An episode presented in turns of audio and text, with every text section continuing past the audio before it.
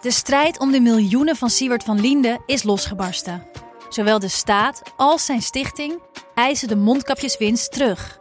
Maar dat die opbrengst in ieder geval niet thuis hoort bij Van Linde, daarover kan toch eigenlijk geen twijfel bestaan. Hoe kon het zo ver komen? Dit is het. We hebben beet. En als Siewert het geld teruggeeft, kunnen wij dit schandaal dan eindelijk loslaten? Je hoort het in de Mondkapjesmiljonairs, exclusief bij Podimo. Ga naar podimo.nl/slash mondkapjes. In de podcast Radio Romano met Noortje Veldhuizen Met Marcel van Roosmalen. En met Roelof de Vries. brengen we alle drie elke week een zogenaamde signalering mee. Wat heb jij nou weer bij je? En aan het eind bepalen we wie de winnaar van de week is. Echt een angstcultuur Lege huls die je er bent? Ja, dat gaat eigenlijk altijd onvriendelijk. Luister nu naar Radio Romano bij Podimo. Via podimo.nl slash Radio Romano luister je 30 dagen gratis.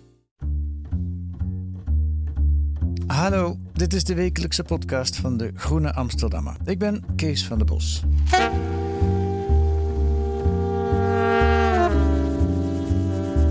Ik weet niet hoe het u vergaat, maar ik voel me altijd hoogst ongemakkelijk bij de bedelaars die tegenwoordig voor mijn supermarkt staan in Nijmegen. Soms met een krantje, soms gewoon met de open hand. En soms vragen ze een euro voor de nachtopvang. Meestal geef ik niks. Ik weet uit eigen ervaring van langdurige reportages met daklozen dat die euro niet voor de nachtopvang is. Maar bijna altijd gaat die op aan drank of drugs. Maar goed, ze vragen het ook weer niet voor de lol. In hun ogen ben ik erg rijk. In mijn ogen ook trouwens. Maar de echte rijken van deze wereld staan weer mijlenver van mij af. De rijkste 10% van Nederland heeft meer dan de helft van al ons vermogen in hun bezit. 60% van dat vermogen zelfs. En via allerlei fiscale trucs hoeven die allerrijksten vaak maar weinig belasting te betalen. Ongelijkheid. Dat is misschien wel het grote thema van deze tijd. Waarom accepteren we die ongelijkheid? Wat is de rol van inkomen of is vermogen veel belangrijker? Casper Thomas, redacteur van de Groene Amsterdammer, schrijft daarover deze week een uitgebreid artikel. Dag Casper, welkom in de podcast. Fijn hier te zijn. Ken je dat dilemma met die bedelaar? Heb je dat in Washington, waar jij woont ook? Ja, en, en op, een, op een schaal van die, die, die, die ik in Nederland niet ken. Eh, er staan heel veel tenten op straat. En dat, dat, dat zijn semi-permanente eh, bewoningen inderdaad voor, voor, voor dak- en thuislozen. En je hebt hele tentsteden in de Verenigde Staten. Eh, het niet hebben van een huis, het op straat moeten leven, is in Amerika een heel groot probleem. Mhm. Het interessante is ook een verkiezingsthema trouwens momenteel. We zitten midden in, in het primary seizoen natuurlijk. Dus de, De eh, de voorverkiezingen? zijn bezig. En ehm, er zijn ook een aantal mensen die dat echt als, als thema hebben gezegd. Van jongens, we moeten echt iets doen aan die massale eh, dakloosheid hier in de Verenigde Staten. Vooral ook omdat het vaak samenvalt met, eh, met andere kwetsbaarheden. Er is een, het is sterk raciaal bijvoorbeeld. als je kijkt naar de vertegenwoordiging in, in de dakloze populatie. Het zijn bovengemiddeld veel mensen met psychische en psychi- eh, psychiatrische problemen. Ja. En die op die manier niet in de, in de samenleving komen. Dus ehm, het is een. Het, ja, en, en, en tot op het moment dat, dat voor sommige mensen, bij wijze van spreken, het aantrekkelijker is om in de gevangenis te gaan zitten dan, dan, dan op straat te gaan leven, omdat ze daar in ieder geval psychische zorg krijgen. Nou, al dat soort thema's, eh, zeg maar, de, laten we zeggen, de, de grote uiteindes van het ongelijkheidsspectrum, eh, die zijn in Amerika echt nog wel vele malen groter dan hier hoor. Ik ben ook verwend met mijn paar bedelaars met de Wat dat betreft, eh, ja, ieder, ieder, ieder zwaar leven is, is, is, is zwaar voor degene die het leidt. Maar, ik, Ja. maar, maar wat ik zeg, het, de- we leven in Nederland wat dat betreft wel echt op een andere schaal. En ken je ook het dilemma, geef je wel eens iets aan een bedelaar? Nou, ik koop de, de, de dakloze krant van Amerika, de Street Sense, eh, eh, elke zondag op de markt. Dat is, eh, dat is wat ik, en dat is, dat is wel leuk dat je het vraagt.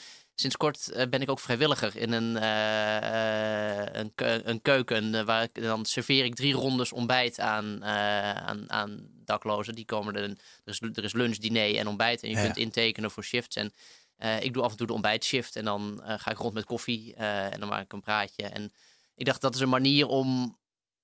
Je kunt, als je kunt op die manier journalistiek bezig zijn in Amerika, maar aangezien ik er ook woon, eh, moet je misschien ook als burger op een bepaalde manier iets in die samenleving doen. Ja. Dus bij de eh Some, So Others Might Eat, eh, ben ik af en toe te vinden met, voor de, van, van 6 tot 9 's ochtends. Oké, is dat een soort liefdadigheidsproject? Of wordt dat gesubsidieerd? Hoe werkt dat? Dat is eigenlijk een goede vraag. Dat zou ik eens moeten vragen aan de mensen die dat runnen. Ik, ik weet niet precies waar hun inkomsten vandaan komen. Ehm, maar ze doen heel veel. Eh, Ze doen basale medische zorg, maatregelen of eh, maaltijden verzorgen. eh, dingen met administratie helpen. eh, en, en gewoon een soort dagopvang. En wat heb je geleerd sinds die tijd dat je op die manier met, met, met daklozen te maken krijgt? Wat, wat, wat valt je het meeste op? Hoe zwaar, ja, dat is, dat is, dit is mijn dilemma of mijn ongemakkelijkheid zit er meer in dat ik, dat, het, dat ik het lastig vind om erover te spreken, omdat ik niet, ik kan me bij mij er ver niet, niet verplaatsen hoe het moet zijn om dat echt, om dat echt door te maken. Dus ik kan met die mensen, ik praat met die mensen, en, maar dat zijn korte praatjes. Hey, Ja. Hoe gaat het? Hier is wat koffie, eh, hou je haak, snap je? Hoeveel suiker wil je? Ja. Ehm, dus dat is dat, dat, dat. Ja, maar wel wat, ik bedoel, wat ik ervan leer is, is hoe extreem je, je, je leven in de Verenigde Staten, zover ik dat dan weet, daar is. Als je eh, inderdaad in een, in een samenleving leeft waar geld op een bepaalde manier nog veel belangrijker is voor wat je wel en niet kan en waar je wel en geen toegang toe hebt. Ja. En dat is natuurlijk interessant. Kijk, als je het over ongelijkheid hebt, ongelijkheid op zich is eigenlijk een statistisch feit. Het wordt pas politiek interessant of relevant ook als je dan gaat kijken naar wat zijn de gevolgen van die ongelijkheid. Als het, het de, de wereld waarin die ongelijkheid zich begeeft maakt dat de bovenkant van de schaal bepaalde diensten of bepaalde producten of bepaalde levensomstandigheden veel makkelijker kan kopen of toegang tot heeft dan anderen, Ja. dan wordt het een probleem. Dus in die zin moet je ook misschien die ongelijkheidsdiscussie niet meteen maar insteken met oh, hoe, hoeveel heeft wie, maar wat, wat kun je daar eigenlijk mee? En dan vind ik ook Nederland is dan ook wel weer echt een ander verhaal dan de Verenigde Staten. Ja. Ehm, dat wat iemand kan met, met zijn geld en met zijn vermogen eh, loopt hier minder uiteen dan in de Verenigde Staten. Wat niet wil zeggen dat dat in Nederland niet verandert. Ik denk dat dat wel veranderd is de afgelopen decennia. Want als je kijkt naar de cijfers, als het nou gaat om vermogensongelijkheid of inkomensongelijkheid, is Nederland eigenlijk behoorlijk stabiel. Hm. Er zijn zelfs er is een discussie ook of de cijfers precies helemaal kloppen. Met name als het gaat om die vermogensongelijkheid. Omdat de e- eeuwige vraag is of je daar wel of niet de pensioenen bij rekent. Maar zelfs al zit je op een stabiel ongelijkheidsniveau, kan het de omgeving nog wel veranderen. Het kan bijvoorbeeld, geld kan belangrijker worden voor welke zorg je krijgt bijvoorbeeld. Ja. Ehm, geld kan een belangrijke rol gaan spelen in onderwijs op het moment dat er een enorm aanbod is van eh, bijles en huiswerkbegeleiding. En dan blijft dat vermogen of dat inkomen tussen verschillende mensen misschien wel gelijk. Maar ineens is waar je, dat, waar je geld voor nodig hebt of waar je een, een, een hoog inkomen voor nodig hebt, dat wordt, als dat verandert, dan krijg je toch andere ongelijkheidseffecten. Ja. En ik denk dat we het daar wel over moeten hebben in Nederland. Ik herinner me ook ja, die discussie. Kijk, ongelijkheid is eigenlijk sinds eh, vijf of misschien tien jaar ehm, het thema in de economische discussie, in, met name in het Westen. Eh, in elk geval sinds vijf jaar geleden het boek van Piketty eh, verscheen. Het eerste boek, Kapitaal in de 21ste eeuw. En deze week is er een nieuw boek van hem, Kapitaal en Ideologie. En onlangs verscheen er een boek van die andere denker over ongelijkheid, Branko Milanovic, Capitalism Alone. Ehm, jij hebt allebei die boeken gelezen, Casper. Allereerst, welke van die twee moeten we zeker gaan lezen? Nou, dan ga ik natuurlijk zeggen allebei. Ehm, maar lees misschien, of le- le- lees, maar lees ook echt allebei, omdat eh, ze, ze vertellen twee kanten van, van, van, van deze tijd van ongelijkheid. Piketty echt de lange historie, maakt het, trekt een soort lange historie vanaf de middeleeuwen tot aan nu. Ja, En Branko Milanovic is eigenlijk, dus wat dat betreft, eerst Piketty en dan Milanovic. Nu ben ik eruit. En ja. Milanovic laat eigenlijk zien echt waar we nu staan en wat de nabije toekomst gaat zijn. Ehm, dus in die zin zou ik, met, zou ik inderdaad met de Fransman beginnen en daarna met de, eh, eh, met de Amerikaan eh, verder gaan.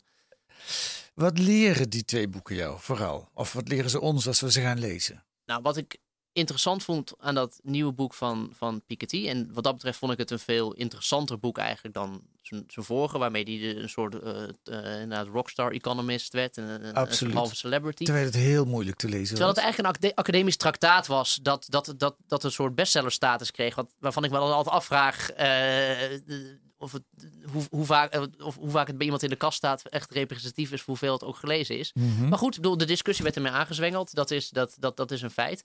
Maar dit boek is veel interessanter omdat het, omdat het politieker is. Het laat eigenlijk zien dat elke vorm van ongelijkheid die er bestaat, is, en die er historisch heeft bestaan, altijd samen is gegaan met bepaalde ideeën en opvattingen over wat eerlijk, rechtvaardig en juist is. Standsverschil, rangverschil, uh, verschil tussen een, een rijk Westen en, en, en koloniale of kolonies daarbuiten. Er was altijd een, een, een ideologie van ongelijkheid. Dus Ja. vandaar ook die, die nadruk op dat woord ideologie in dat Ja. boek.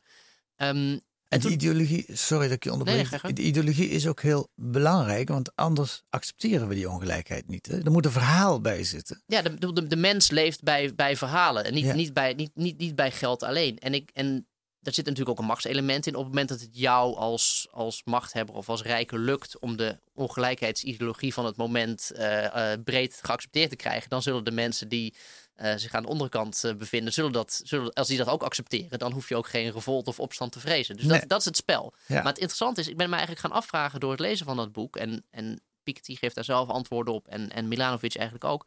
Wat is eigenlijk onze ongelijkheidsideologie van dit moment? Ja. Wat vinden we er rechtvaardig aan? Nou, om, om jouw voorbeeld met de daklozen de- even, even over te nemen.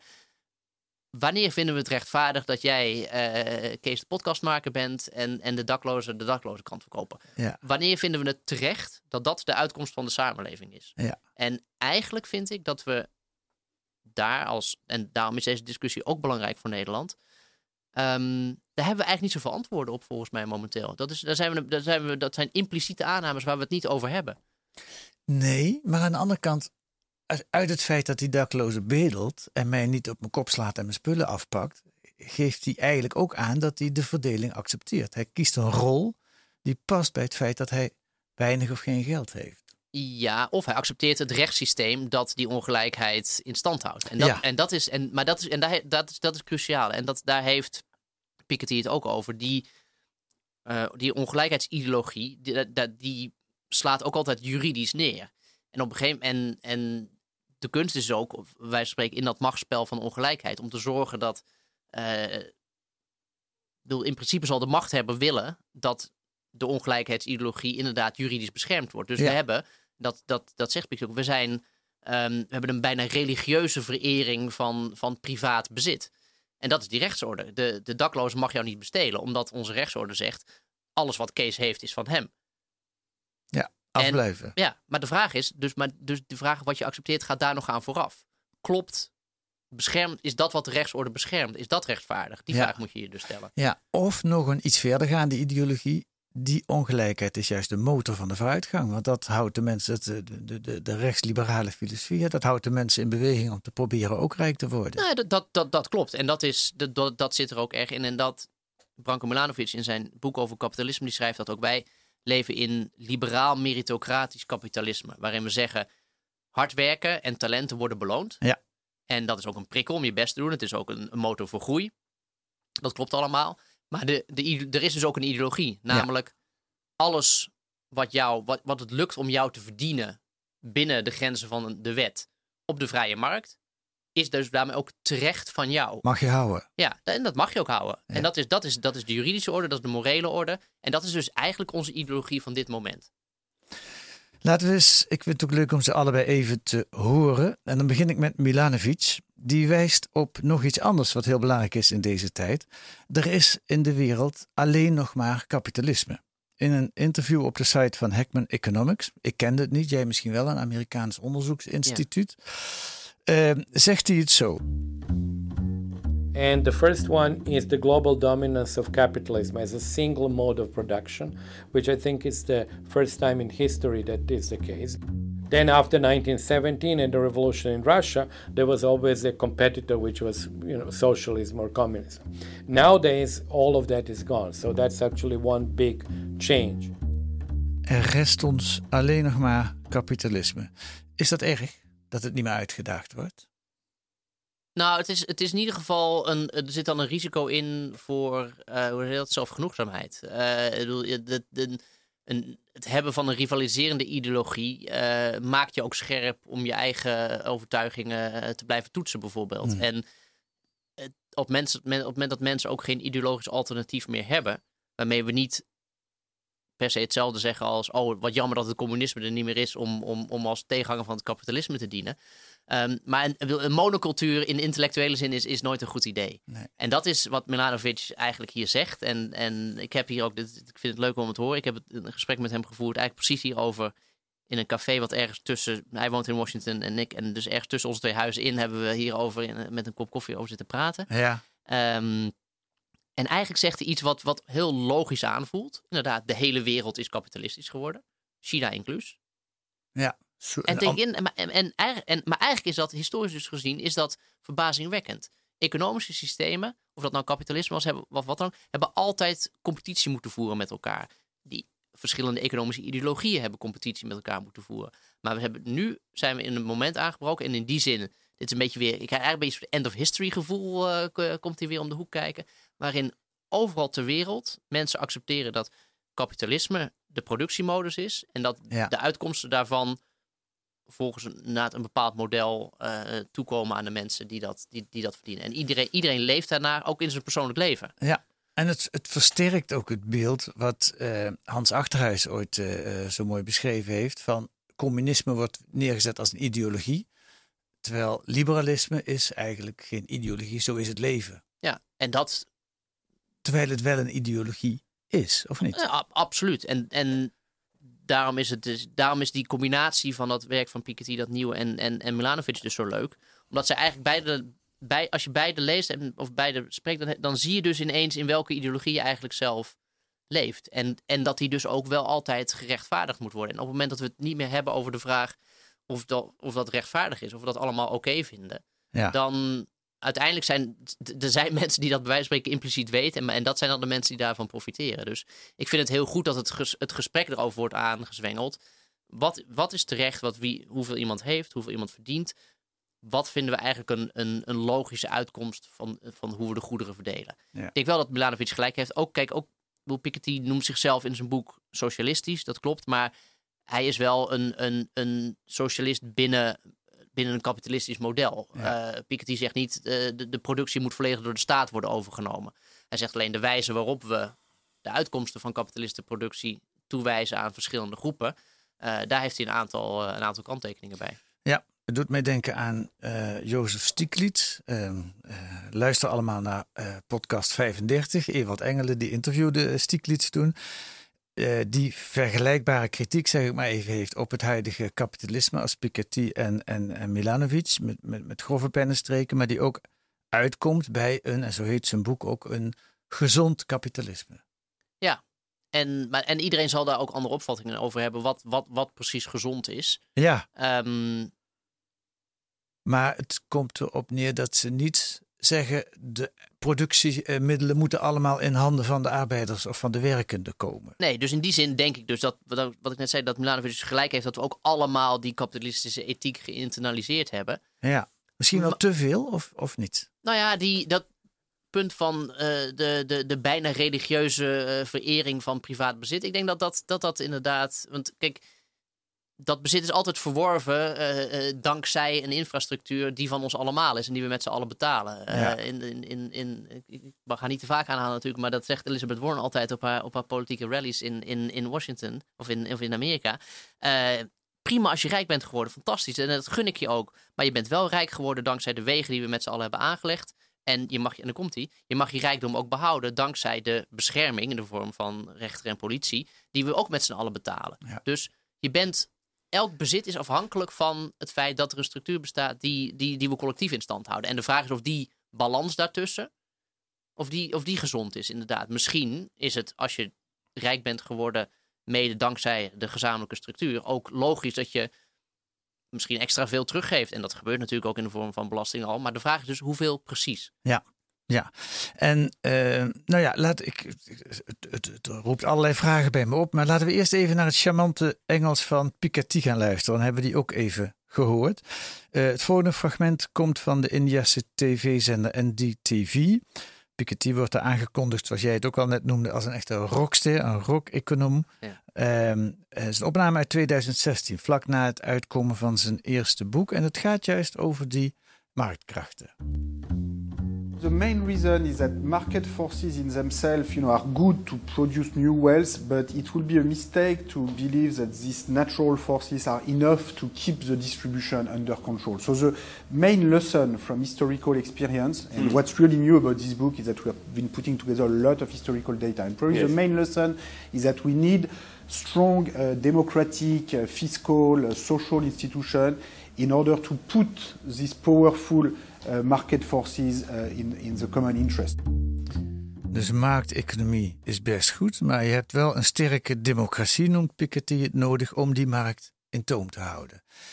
Eh, Is dat ook wat, wat duidelijk gemaakt wordt, en dan nemen we ze even allebei, die, die- in die twee boeken die jij nu net gelezen hebt, die net uitgekomen zijn? Ja, nee, dat is ja, zeker. Kijk, Piketty's grote punt, en, en, en dat is ook de reden waarom hij, waarom hij zo populair werd op dat moment. Ik vind het, het idee van een rockster-econoom nog steeds altijd een beetje een gek idee, want dat, ook de econoom werkt niet in zijn eentje. En, en eh, Milanovic liep al te, te klussen aan ongelijkheidsdatabases voordat iemand ooit van, van eh, voordat de, de, de grote wereld van Piketty had Ja. gehoord. Dus dat is altijd maar een beetje het, het, toevallig iemand op het moment dat de geesten rijp zijn het juiste idee aanreikt. Ja. Maar goed, dat terzijde. Ehm zijn basale punt dat eigenlijk ongelijkheid, of dat nou van vermogen of inkomen is, maar met name van vermogen, groeit eigenlijk vanzelf als je niks doet. Even heel simpel gezegd. Mhm. Dat, is een, dat, is, dat, is, dat is een sterk punt. En er zijn twee mogelijkheden om wat te doen aan natuurlijke groter wordende ongelijkheid.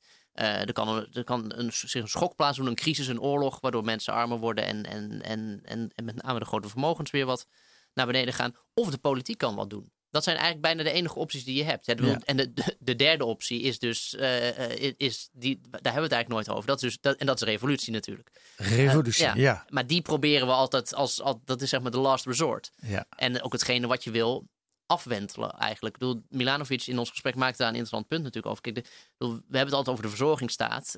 dat is heel mooi.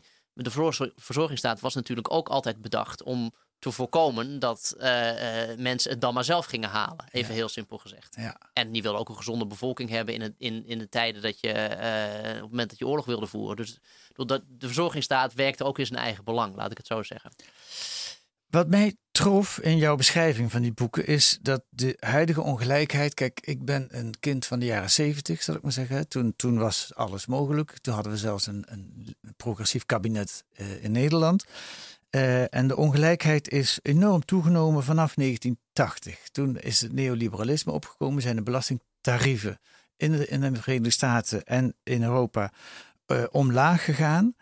Ehm, maar wat mij trof in jouw beschrijving van met name Piketty is dat hij daarin zegt dat die periode van 19 pakweg na de Tweede Wereldoorlog tot, tot en met 1980 eigenlijk een uitzondering is in de geschiedenis. Dus dat de, grote ongelijkheid, waar we, waar we nu ook weer over praten, dat dat eigenlijk veel meer de regel is. Ja, dat is historisch gezien absoluut de norm. En die, we hebben een, een kort eiland van, van historisch lage ongelijkheid gehad. eh, in het Westen dan met name na het einde van de Tweede Wereldoorlog. De Eerste en de Tweede Wereldoorlog hebben enorm nivellerende effecten gehad. En na de Tweede Wereldoorlog zijn die verzorgingsstaten opgebouwd. En dat was een, maar dat is dus een periode van, nou ja, wat ik zeg, dat, is eigenlijk nog geen 40 jaar als je er, als je er naar kijkt, waarin. En dat is, dat is historisch gezien de uitzondering. Alleen Ja. we hebben als mensen altijd de neiging om te denken dat gisteren de norm was. Maar eh, de, de- dat zijn jouw herinneringen. En, eh, maar dat is wat ik zeg, dat is dus niet, is niet historische norm. En daarom Nee. is, daarom is zo'n boek dus belangrijk. Om het te laten, en dat, laat dus, dat het dus ook laat zien dat je heel hard moet werken. Als je, als je dat wil nastreven, als je dat, dat niveau van gelijkheid eh, of ongelijkheid, het maakt niet uit hoe je het noemt in dit geval, Mhm. van die tijd zou willen, als je dat, als je dat ambieert, omdat je dat rechtvaardig of prettig of mooi of goed of nuttig vindt, ik bedoel, dat, dat, dat maakt niet uit, dan, dan zul je daar wat voor moeten doen, politiek gezien. Dat, gebeurt, dat gaat dus niet vanzelf. Nee, dat, is, eh, dat kun je wel zeggen. Uh, Integendeel, wat er vanzelf gaat, is de groeiende ongelijkheid. Dat is de, de soort de, de natuurlijke beweging. Ja, ja. Nou, nog één, één fragmentje Piketty, uh, wat aangeeft wat er, wat er gebeurt als je uh, die ongelijkheid maar uh, laat groeien. Wat uit zijn cijfers blijkt. Dit is overigens een fragment wat ik heb gehaald uit Tegenlicht, VPRO Televisie. If you look at uh, data for the US on access to higher education, what you find is that you know people with parental income in the bottom 20 or 30 percent, you know, they never go to universities. Their chance to make it is less than 20 percent. And people in the top 10 percent, 90 percent of them go to university. So you know, this doesn't look too much like meritocracy to me. So I think it's important to put this kind of claims about meritocracy under public scrutiny. Wat zegt hij hier? Eigenlijk zijn we een meritocratie. Uh, voor de wet zijn we allemaal gelijk. We hebben allemaal dezelfde kansen. Maar uit de cijfers blijkt dat als je uit de onderste 20% van het inkomen komt, dat je nauwelijks kans hebt op een universitaire graad. Um, dat, dat, dat soort uh, pijnlijke gegevens, daar staan die boeken vol mee volgens mij. Ja, dat klopt. En ik vind het, ik vind het een heel interessant punt. Ik, ik weet niet waar, op, welk land of welk deel van de wereld deze cijfers precies sloegen. Maar ik denk dat de algemene trend uh, dat het uh, voor lagere inkomensklassen moeilijker is om die meritocratische ladder te beklimmen. Dat mhm. dat absoluut waar is. Omdat je simpelweg minder middelen hebt om die, om die klim snel te maken. Dus- en, dus, dus de claim klopt eigenlijk niet. We zijn niet allemaal gelijk voor de wet. Nee, ja, we zijn, ja, voor de wet wel. We zijn, de, het punt is dat de wet iedereen gelijk behandelt. Maar als mensen daarmee vervolgens ongelijke uitgangspunten hebben, dan zullen de resultaten dus ook ongelijk zijn. Ja. En dat is dus wat Milanovic dat liberaal meritocratisch kapitalisme noemt. We, gaan er eigenlijk, we kijken eigenlijk alleen maar naar de uitkomsten. We gaan ervan uit dat iemands plek in de samenleving klopt en rechtvaardig is en mag, omdat hij op die plek staat. Ja. Want we gaan ervan uit dat het systeem meritocratisch werkt en altijd ervoor zorgt dat het hardste werk en het meeste talent het meest beloond wordt. Terwijl de cijfers aangeven dat het niet zo is. Daarom, en, en je voelt ook eigenlijk op je klompen aan dat dat niet zo is. Iedereen, iedereen weet dat er, dat, dat er bepaalde, dat sommige mensen meer hulpbronnen hebben, of dat sommige mensen een afsnijweggetje kennen. Dat is, dat is, dat is algemeen bekend. Dus die, die claim van de meritocratie, dat is wat, waar Piketty hiervoor pleit. En, en, en je, zou, je leest dus eigenlijk hetzelfde, uh, iets meer tussen de regels door misschien uh, in, in, in het boek van Milanovic. Maar die laat het eigenlijk ook zien. Dat ons idee van meritocratie misschien eigenlijk gewoon bijstelling behoeft. Waar we behoefte hebben is aan sterke politici om de markt in toom te houden. Laat ik er even eentje laten horen. Wij zien als politici, wij zien niet meer hoe ontzaglijk veel mensen vandaag de dag inderdaad de kamp hebben met armoede en een politiek die betekenis heeft, die zal voluit dat moeten zien, een beleid moeten voeren, herstructureren om die tweedeling te voorkomen. Hij is nog geen feit, goddank niet. Maar als we niet een ander beleid voeren, dan zal die een feit worden en dan zal het niet alleen deze samenleving breken, het zal ons opbreken. Dat was natuurlijk Joop de Nijl van de, eh, in de Tweede Kamer in 1986.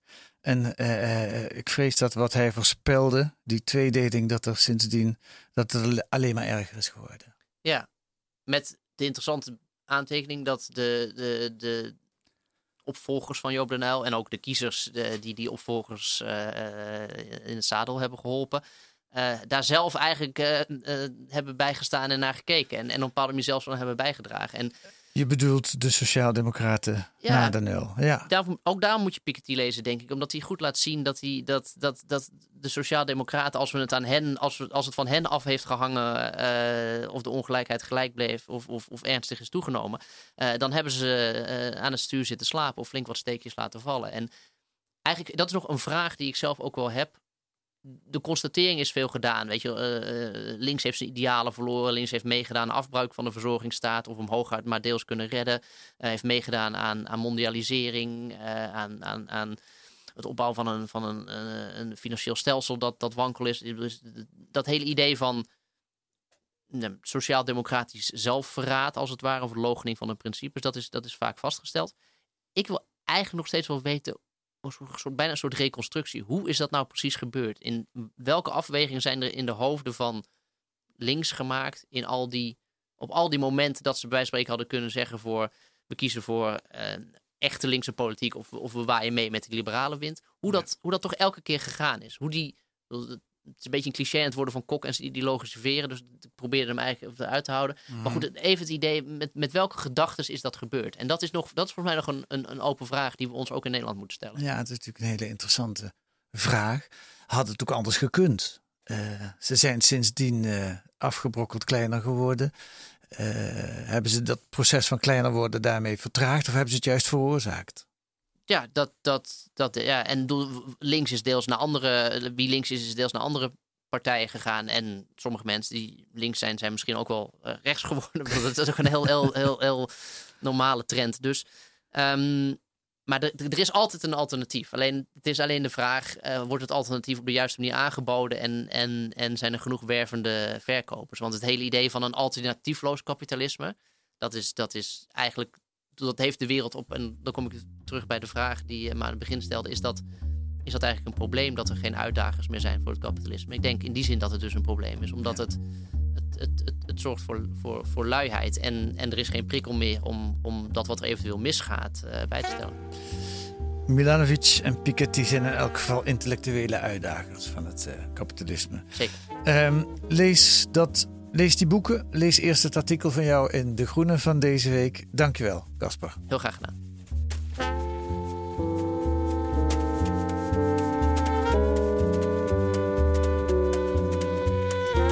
Lees deze week in De Groene ook in de serie Hoe nu verder? Internetpionier Marleen Sticker die stelt dat het internet stuk is.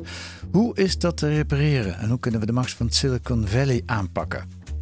En er zijn nog 35.000 wachtenden voor u over de gigantische wachtlijsten, wachtlijsten van de GGZ en de noodzaak om sociale problemen die eraan ten grondslag liggen aan te pakken. Of anders in elk geval het profiel over de Ajax-ster Hakim Ziyech. Is hij het toonbeeld van geslaagde integratie of juist van mislukte? Lees dat allemaal met een abonnement of een proefabonnement. Ga naar groene.nl. Dan kunt u lezen hoe u voor 15 euro 10 weken de groene in de bus krijgt. Volgende week zijn wij er weer met analyses en achtergronden bij het nieuws in deze podcast van de Groene Amsterdammer. Vergeet niet om ons sterren te geven in de podcast-app. Hoe meer beoordelingen we hebben, hoe meer we stijgen op een aantal lijstjes. En dat geeft weer meer luisteraars. Uh, dank daarvoor alvast. Deze week werd de Groene Podcast gemaakt door Rosa Uiterwaal en Kees van der Bos. En de muziek is het Tune for N van Paul van Kemenade.